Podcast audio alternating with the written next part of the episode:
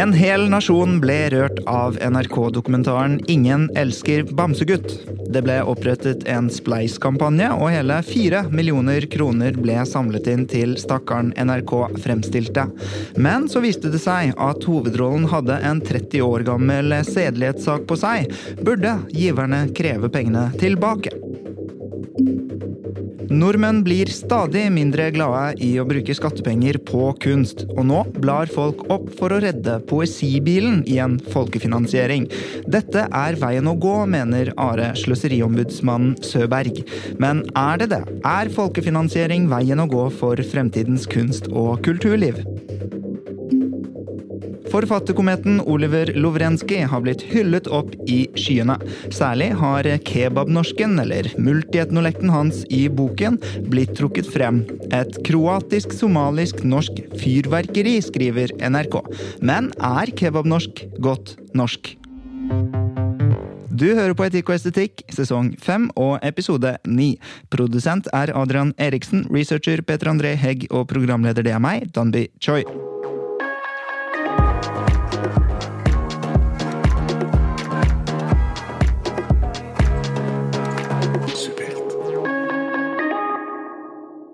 Med meg i studio i dag har jeg ingen ringere enn direktør i Norsk Filminstitutt, Kjersti Mo.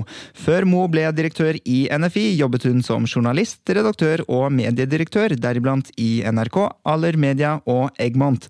Som NFI-direktør har hun stått i flere strider. Bare i år kan vi nevne Helt super-saken, som på ingen måte var helt super. Tvert imot ble en norsk barnefilm anklaget for rasisme, da selve superhelten i filmen hadde på seg en løve løvemaske, som ble litt for blackface-aktig. Du kan bli kansellert for mindre i 2023, men Kjersti Moe sto fjellstøtt og forsvarte den kunstneriske ytringsfriheten til filmen. Det samme gjorde hun da en politiker i sommer ikke helt klarte å forstå armlengdes avstand-prinsippet for filmen Perleporten. Og senere på året gikk hun i manesjen for å friske opp Amanda-komiteen, som hun mener latterliggjør den teknologiske utviklingen. Velkommen så mye til deg, Kjersti Moe. Jo, tusen takk. Blackface i Helt super, hvordan kan du støtte noe sånt? Eh, hvordan jeg kan støtte Helt super? Ja. ja jo, vi har jo ulike ordninger, og denne har jo da fått det som heter et etterhåndstilskudd, i tillegg til at vi hjelper dem ute på festivaler og sånn. Så eh, vi har eh, ulike ordninger for ulike typer filmer, men det er klart at barnefilm er viktig for oss, og i dette tilfellet så syns jeg det var eh, veldig eh, nødvendig å setter foten eh, hardt ned på påstanden ja. om rasisme. Ikke sant, for det var altså Artef, som er en eh, internasjonal filmorganisasjon på en eller annen måte, antirasistisk. Ja, en slags task force, da. Ja, mm. Som altså mente mm, at denne filmens løvemaske var kontroversiell, og, og hvorfor? Eller hva var det dette gikk ut på, og hvorfor syns du det gikk for langt?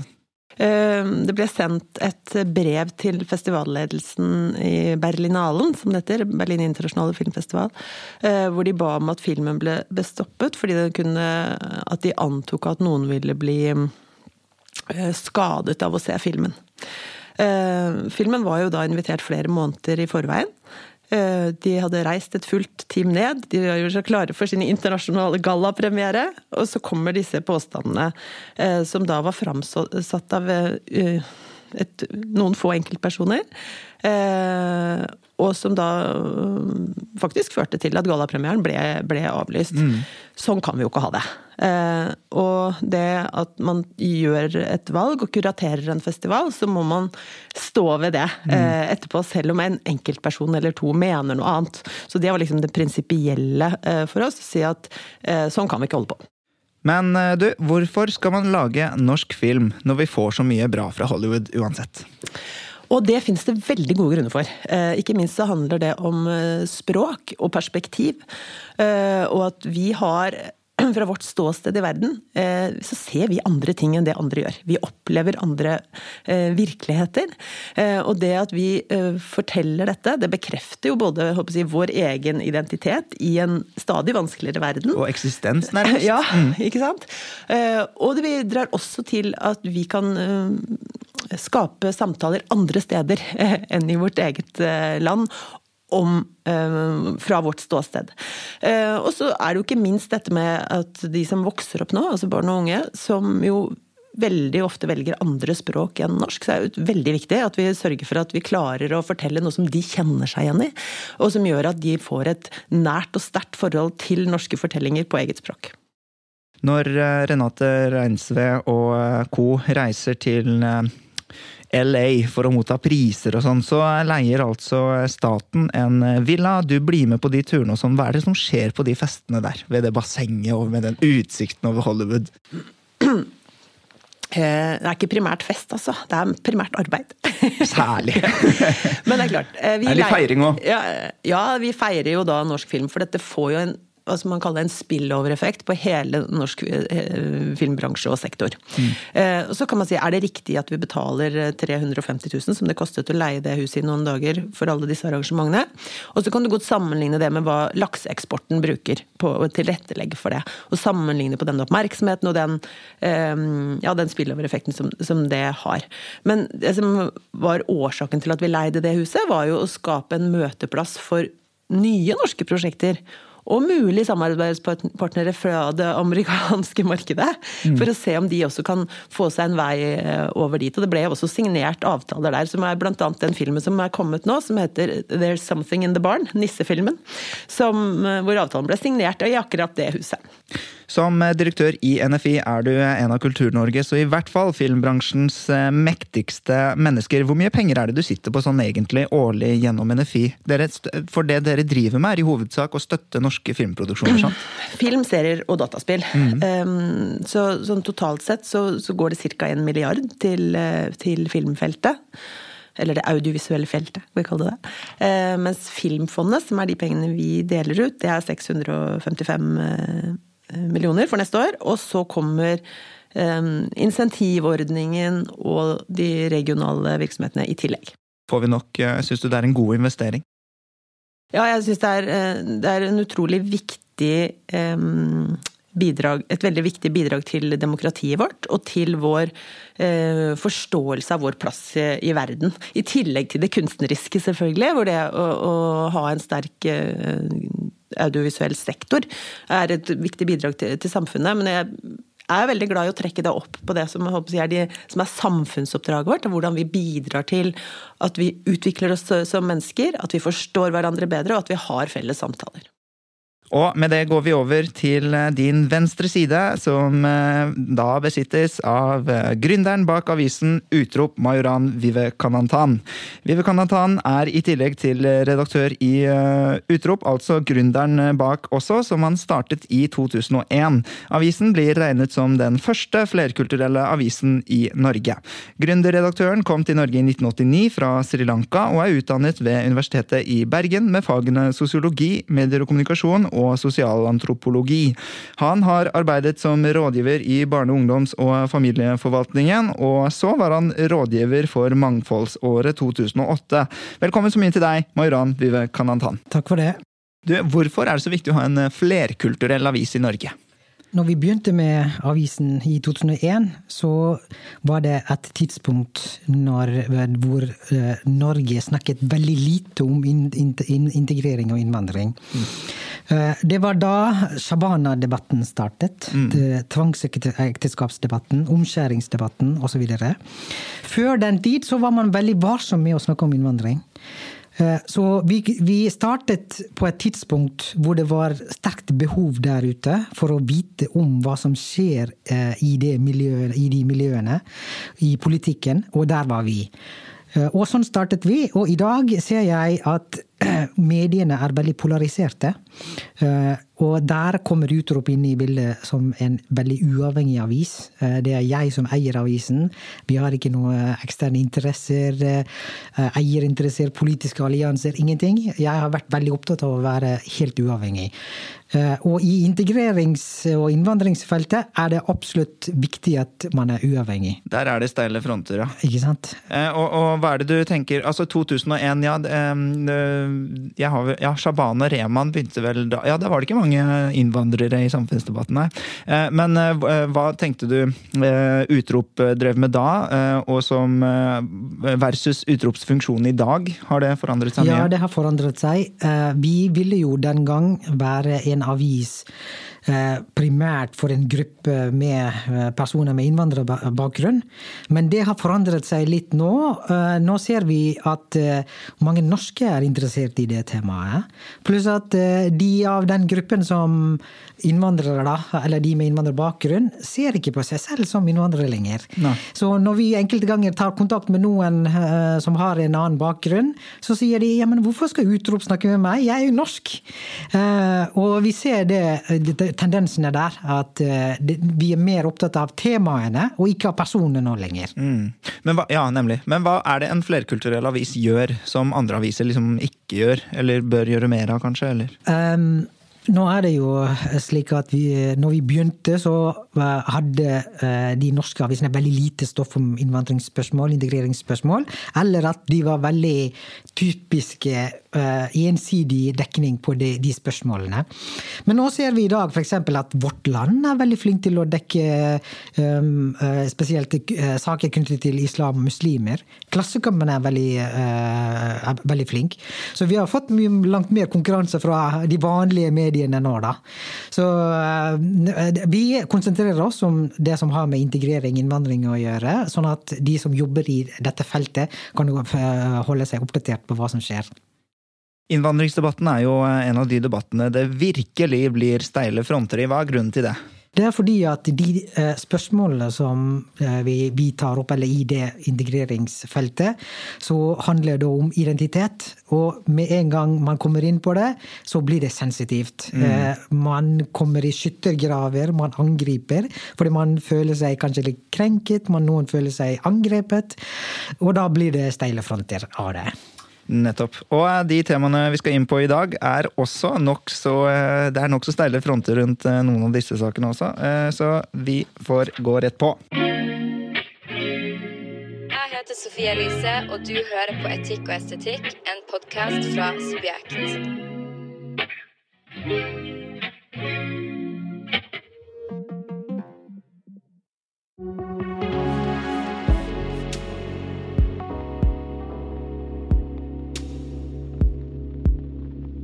En hel nasjon ble rørt av Tore Strømøys dokumentar 'Ingen elsker bamsegutt'. Fire millioner kroner ble siden donert via folkefinansieringsplattformen Spleis til stakkaren NRK da fremstilte.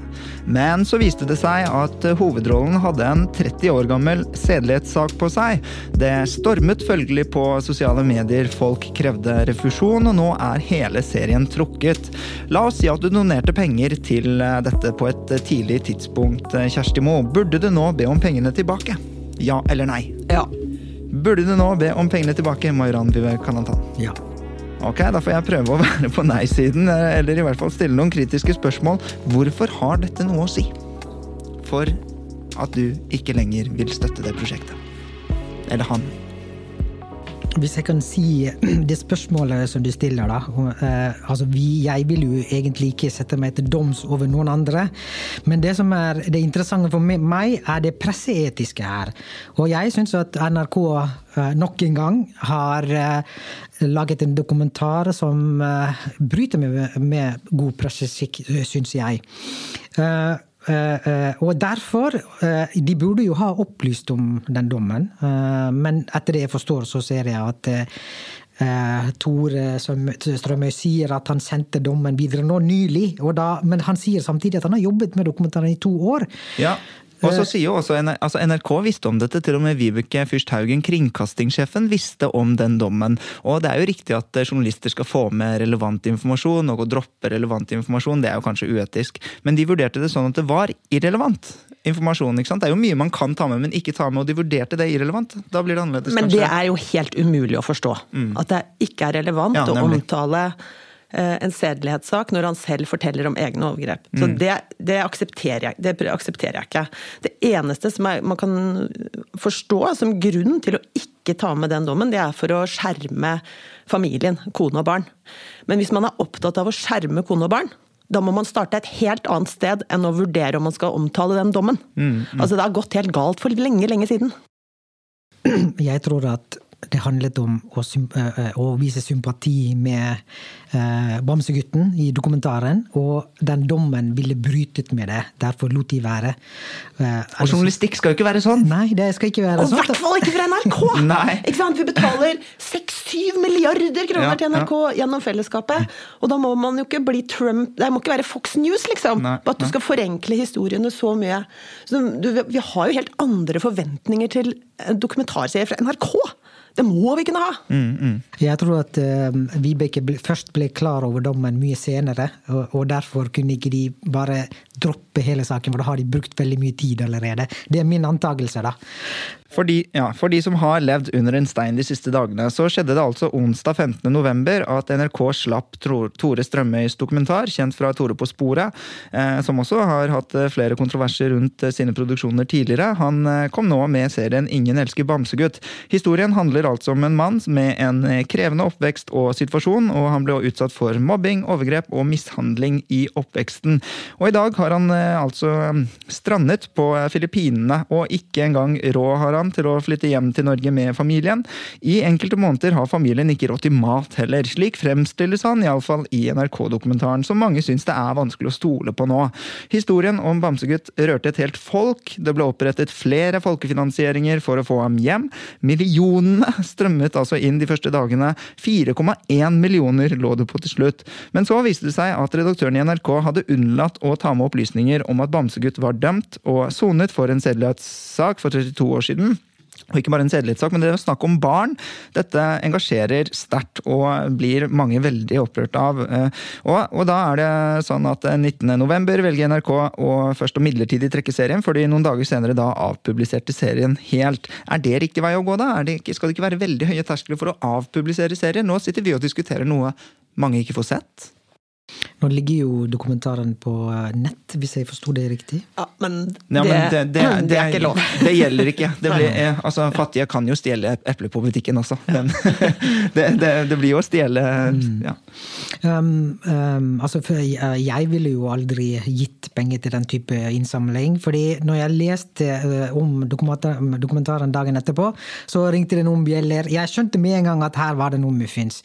Um, men jeg tror at det, med mediene eh, det, Dette er ikke en isolert sak i NRK. Sant? Jeg tror det har vært en en serie med saker som denne, uh, f.eks. Romkvinnesaken, som også har mm. med dette med sympati overfor ofrene, eller de som kildene.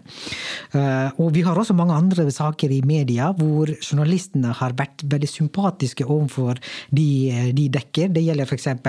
Um, French, Joshua French og Moland, mm. som det har vært veldig mye mediedekning om, sammenlignet med andre som har blitt strandet i utlandet. Sant?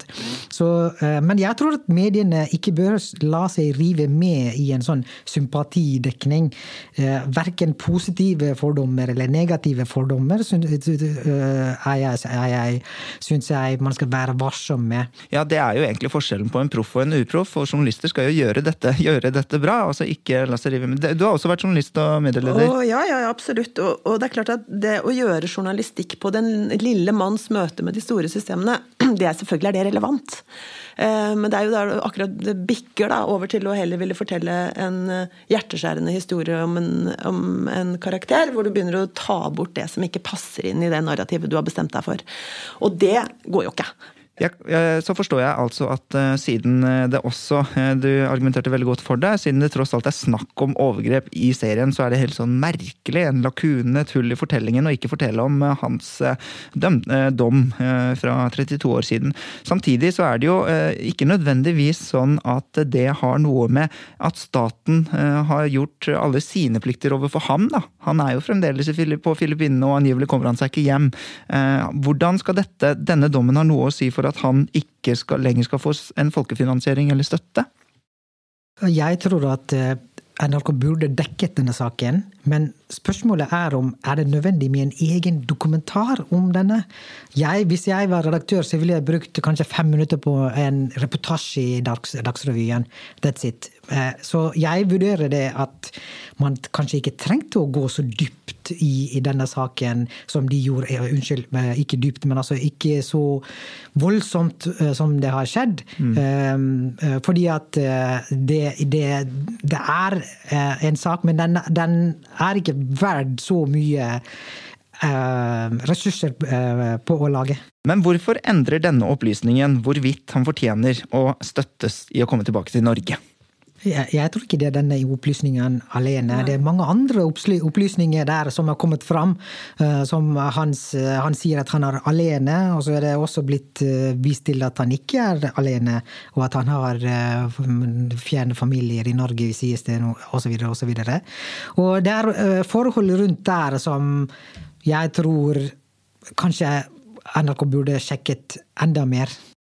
Det er jo fordi at man velger å skal liksom male dette veldig detaljerte bildet. Eh, og fortelle hele livshistorien. Nesten! Bare ikke akkurat den detaljen! Ja. Da, det, det, går ikke. Mm. ikke sant? Sånn at Du kan si du kunne laget en femminutters reportasje om at eh, det sitter en kar strandet på, på Filippinene, han kommer seg ikke hjem. Han har meldt flytting, eh, men ønsker å flytte hjem. Men eh, Da ville man jo ikke sagt at da må vi ha med den 32 år gamle sedelighetsdommen. Men det er jo fordi at man velger å liksom fylle ut alle kriker og kroker, bortsett fra den informasjonen hvor det sitter seks offer og har den informasjonen.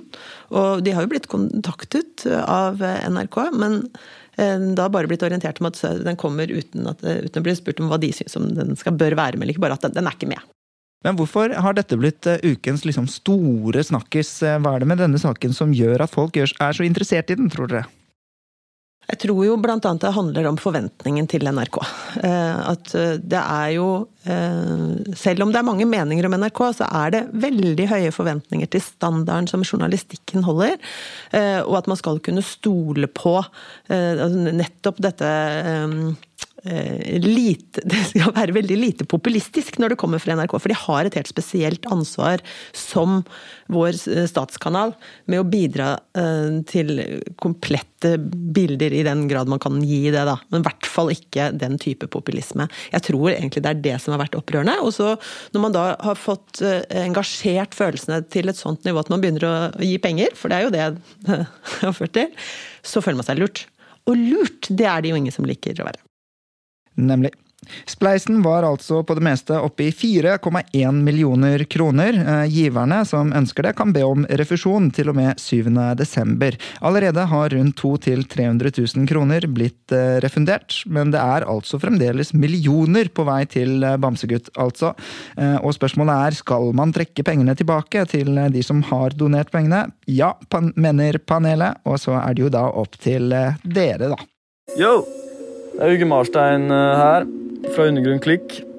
Du hører på Etikk og estetikk av Subjekt. You know the shit.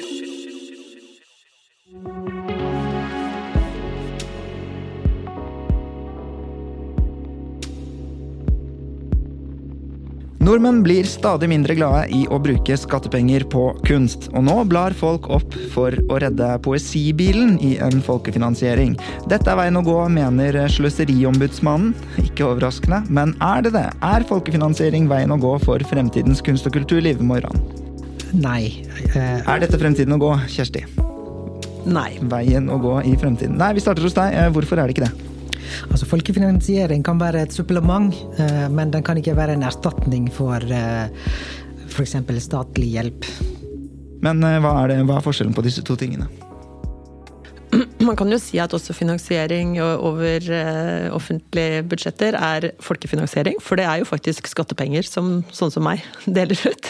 Eh, men forskjellen er jo at da er det jo gjort en vurdering av hva vi bør støtte, versus det at man har mer sånn privat initiativ. Jeg syns det er mye fint med folkefinansiering, for eh, det bør være ulike måter å, å realisere kunstneriske prosjekter på. Men jeg tror ikke vi kan bytte.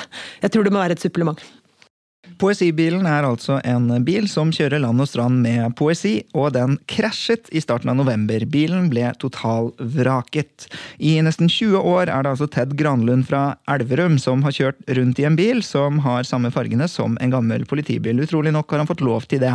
Bilen, som nå er et totalvrak, er den 14. poesibilen i rekken, og den hadde kun vært på veien i en uke før ulykken, ulykken altså traff ved Skogmuseet i Elverum. Det gikk bra med alle involverte. Saken har forenet Sløseriombudsmannen og lederen i Kulturrådet. Det skrev vi i Subjekt, og det er ikke ofte Sløseriombudsmannen og Kulturrådet er enige om noen som helst ting, men her var de altså enige at det måtte tiltak til. Eh, Sløseriombudsmannen mente altså eh, folkefinansiering av dette var veien å gå, mens Sigmund Løvaasen var eh, enig i at dette var en bil verdt å redde. Men kan vi snakke litt om statsstøtte til kunst og kultur, da? Altså, det er stadig mindre interesse for det. Hva tror du er grunnen til det? Det kom frem i en undersøkelse. Ja, og det er jo særlig de, de yngre som, mm. hvor det, forståelsen av, av, hvorfor det er viktig, er dårligere. Å oh ja, det er det? Ja. det er ikke bare det at de har skjønt det, men de syns ikke det er så viktig lenger? Ja, det er jo en Her lå det inne en tolkning, gitt. men um, det er jo litt sånn tilbake til det som jeg snakket litt om i stad. Det samfunnsoppdraget. Kultur binder oss sammen Eh, som befolkning. Vi eh, deler opplevelser, vi eh, utvikler perspektiver, vi har felles samtaler. Det er jo noe av det som liksom gjør at vi har et sivilisert samfunn. Og så har vi jo i Norge en ikke så sterk tradisjon for privatfinansiering av kunst og kultur.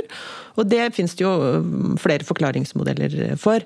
Men den den verdien som tilføres samfunnet utover den helt sånn konkrete opplevelsen der og da, mm. den tror jeg kanskje at man skjønner mer av også gjennom livet. Vi, jo, vi finansierer bl.a. skolekino og litt eh, sånne ting, og det er jo fin opplevelse der og da. Ofte så vil det kanskje være det at man har sett en teaterforestilling som barn så gir det deg noe som du har med deg gjennom hele livet. Så det er eh, Jeg velger å tro at i dette tilfellet så utvikler også forståelsen seg litt over tid. Men at vi kommer til å måtte være mye flinkere til å forklare hvorfor offentlig finansiering av kultur, kunst og kultur kommer til, er, fortsatt vil være viktig. Eh, vi kommer til å være mye, måtte være mye flinkere til å argumentere for det, nettopp fordi at den offentlige finansieringen av alt i samfunnet blir vanskeligere. Også, ja, ikke minst fordi at vi har mye å bruke penger på, mye å prioritere, yes. og renter som skal opp. og og hvorfor skal vi da betale eh, skattepenger til disse kunstnerne som lager så mye rart? Majoran? Hvorfor, hvorfor trenger vi det? Altså, Jeg er jo ikke enig med Sløseriombudsmannens eh, politikk på dette. Um, det er litt slik som Carl I. Hagen uttalte seg når operaen skulle bygges i Oslo. Ja, men hvorfor skal vi bruke så mange milliarder på opera? Vi vil heller uh, bruke pengene på eldreomsorg, sa han. Mm. Så hvis vi hadde hørt på han, så ville ikke vi hatt uh, et operahus nå. Uh, jeg tror at kulturbudsjettet er jo det minste budsjettet i statsbudsjettet. Eh, slik at vi har råd til å ta oss eh, eh, til å gi penger til kunstnere kultur, fordi de må utvikles hele tiden. Pluss at nå i disse tider så ser jeg også at statsstøtte er også med på å gi minoritetskunstnere muligheter som kanskje de ikke ville fått hvis, de, ikke hadde vært for uh, midler fra staten.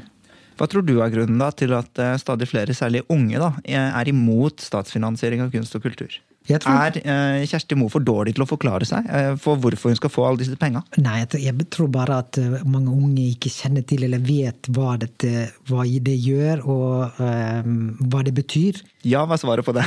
Det er jo det, ja.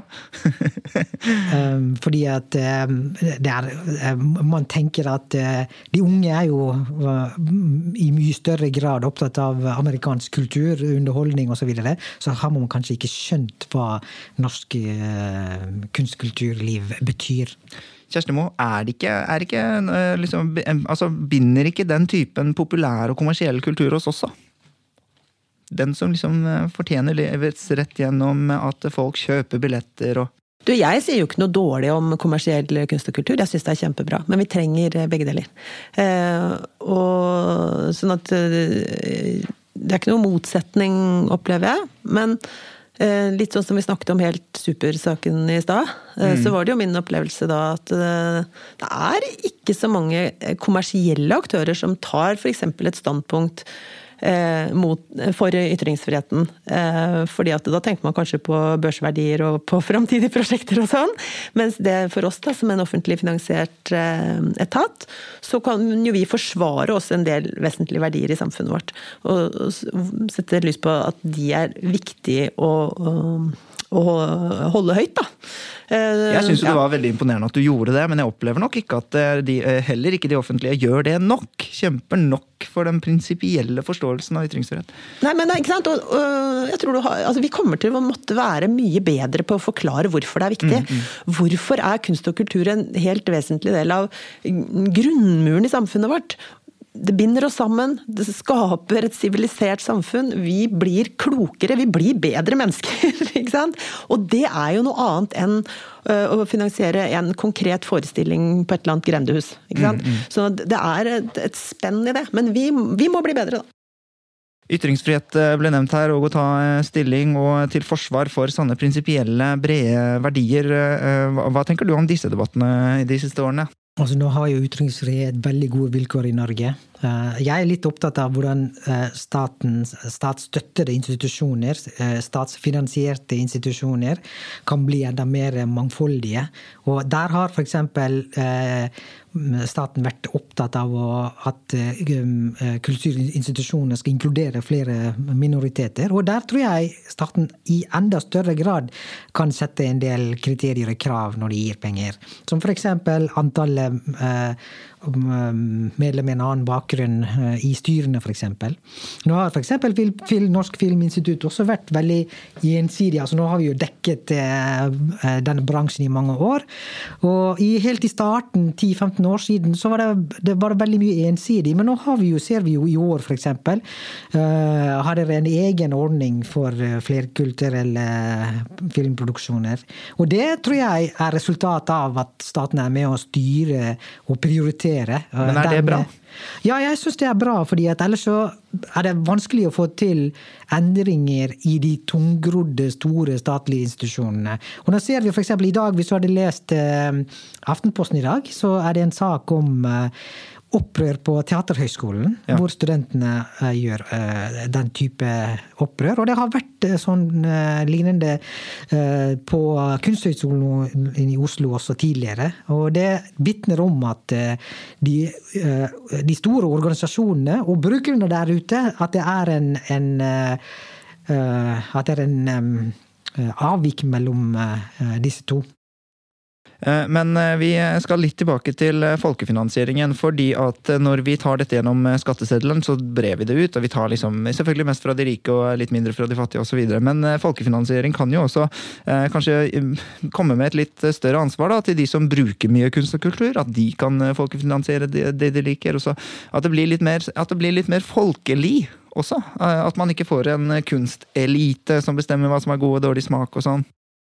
Altså, jeg syns jo eh, Folkefinansiering er jo også et eh, uttrykk for at man ønsker å bidra, at man eh, har dugnadsånd. At liksom Ja, dette er viktig for meg! Det er jo en god ting. At vi ønsker å bidra til eh, at noe skal skje, at noe skal realiseres. Ja, dette tar jeg ansvar for. Det er jo med på å gi folk mening. sånn at jeg syns jo at det er mye fint med det. Eh, og så er det jo også sånn at, når, at vi må ha flere ulike måter å realisere sine kunstneriske pro prosjekter på. Og det er ikke sånn at staten kan betale for alt. Sånn, er, penger er tross alt et knapphetsgode også i Norge. Eh, sånn at hvis noe er så viktig for deg, så syns jeg det er eh, veldig både spennende og gøy at det går an å gjøre den type ting, og at det kan bli en sånn hva man ville kalle en call to action på, øh, for at man ønsker å bidra. Ja, jeg er også enig med Kristin at det kan være både Kjersti. og. Kjersti, unnskyld. At det kan være både og. Det ene trenger ikke å utelukke det andre.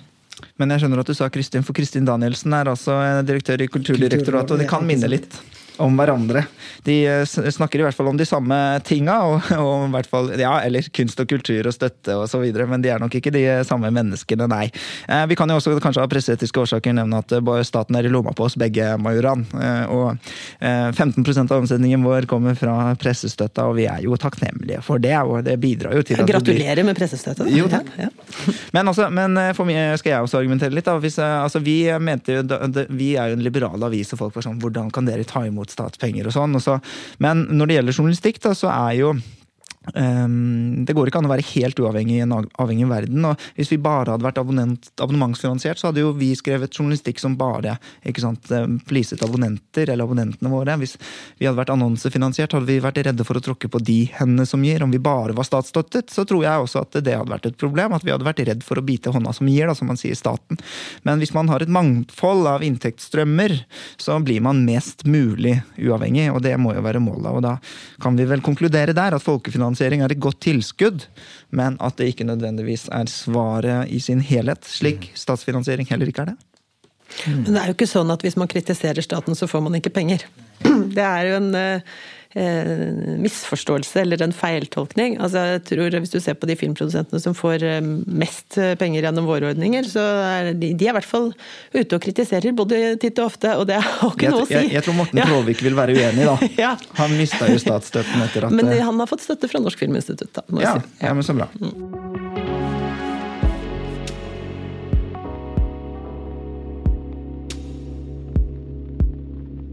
Forfatterkometen Oliver Lovrenskij har blitt hyllet opp i skyene. Særlig har kebabnorsken, eller multietnolekten hans, vekket eh, oppmerksomhet, og også blitt trukket frem som et kroatisk-somalisk-norsk fyrverkeri. Det skriver i hvert fall NRK.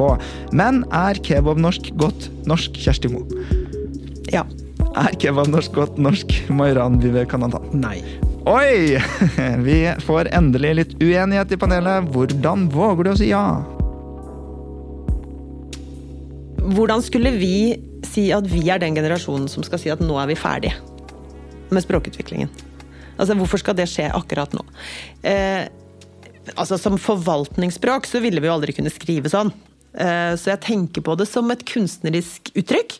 eh, Og at det er en slags demokratisering, som selvfølgelig har sammenheng med eh, at folk uttrykker seg jo mye mer skriftlig enn før på sosiale medier osv. Men at terskelen for å uttrykke seg på sitt språk bidrar til at flere formulerer det de vil si. Og kan formidle det sånn som de ville sagt det. For det er jo egentlig det det handler om. Så betyr jo ikke det nødvendigvis at dette blir normert eh, språk, men som kunstnerisk eh, uttrykksform så mener jeg at det er bra. Majoran, de i, eh, utenfor her podkaststudioet vårt, så sitter journalistene og skriver, og nå står det i subjekt Mayran Vivekanathan hardt ut mot kebabnorsken, dårlig norsk. Fordi du svarte nei. Nei da. Hvorfor sier du det?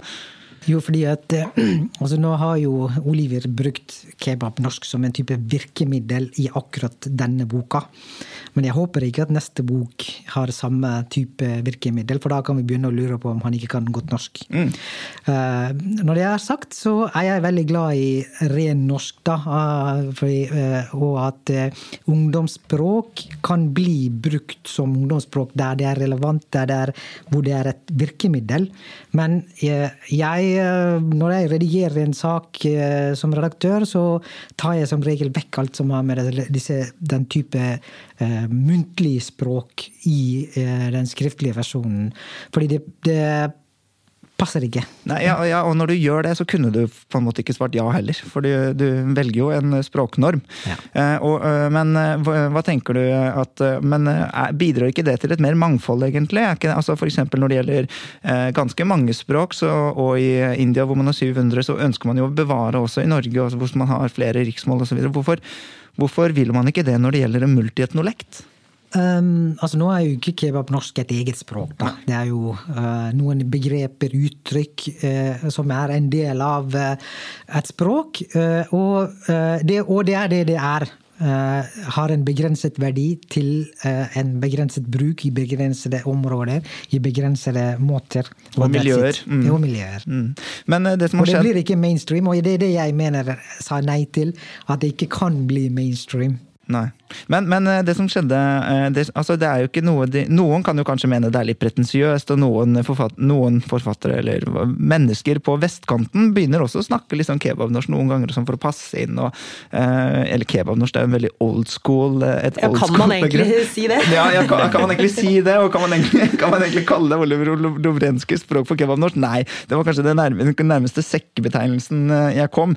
Men, men, det er i beste fall en multietnolekt. Og jeg vokste opp på Oppsal hvor man snakket, og man snakker litt annerledes, man, og med hverandre. Og, og, liksom og Man sier ikke se, man sier sjof, og man sier ikke sant, og disse tingene. Men hvorfor, hvorfor blir det sånn i disse miljøene?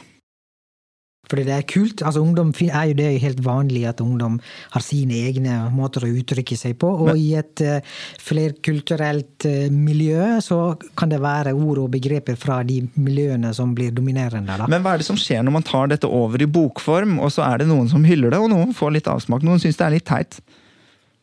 Men altså, i går så fikk uh, Ingvar Ambjørnsen æresbragepris for 50 år som forfatter. Og eh, hvis dere har lest 'Hvite niggere', så er den jo full av slang og identitetsmarkører.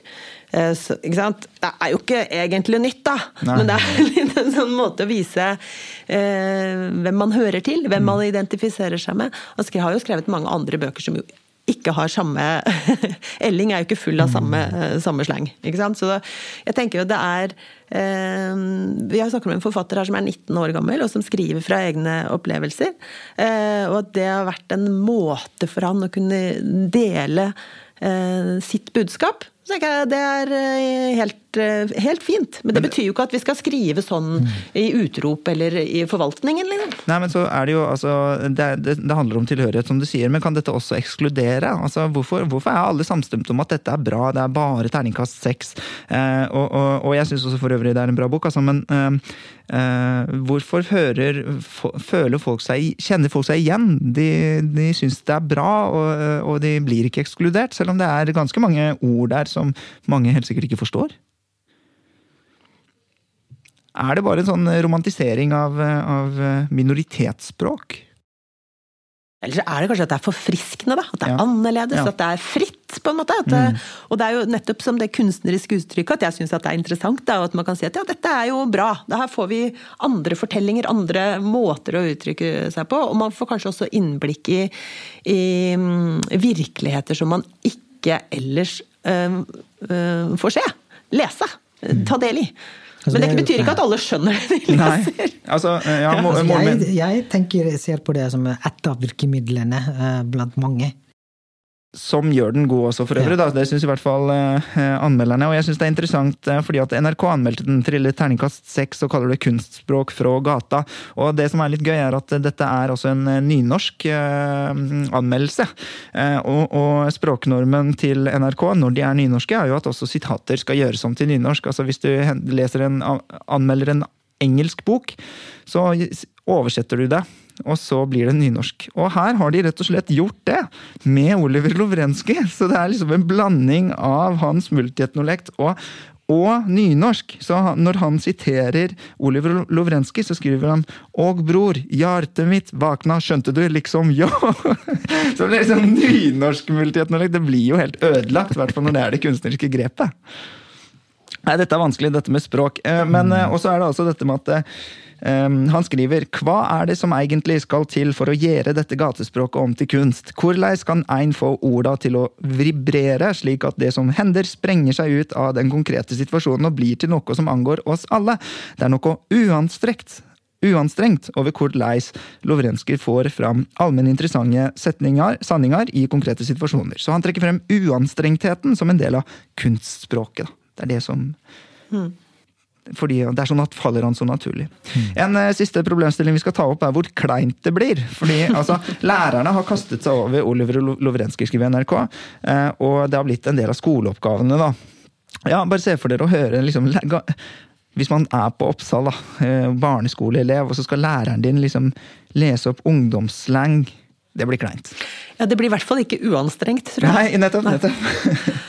nå tror jeg kanskje ikke det er eh, lærere i Oslo som kommer til å bruke denne boka, men de som er utenfor, langt ute i bygdene, skolene i mindre fylker, mindre kommuner, de kommer vel til å bruke boka som om det er ah, sånn Oslo er. Sånn er det på Oslo vest. Oslo øst, unnskyld.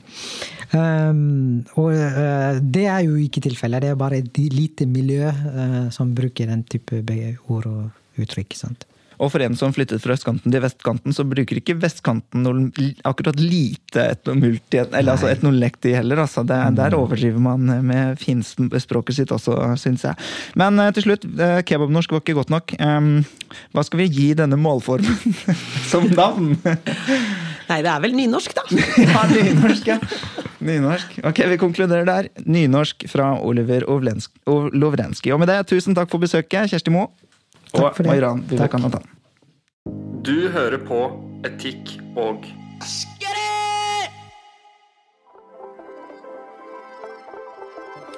Tusen takk til eh, gjestene som eh, nok en gang eh, bidrar med kunnskap og klokskap til subjekt og etikk og estetikk. Vi håper at du kan følge oss der hvor eh, det er relevant. På Facebook så har vi også en egen eh, Facebook-gruppe som heter Etikk og estetikk. Der diskuterer vi samtaleemner som er relevant for podkasten, rett og slett. Eh, og for subjekt, selvfølgelig. Det er også veldig hyggelig om du kan legge igjen en sånn stjernerangering på Apple Podkaster, om det er der du hører på oss, eller Eh, Ehm, anbefaler podkasten videre til den eh, du eh, ønsker å gjøre det til. Ellers så har jeg lyst til å si tusen takk til eh, Fritt Ord, som siden start har støttet Subjekt, men også podkasten Etikk og estetikk.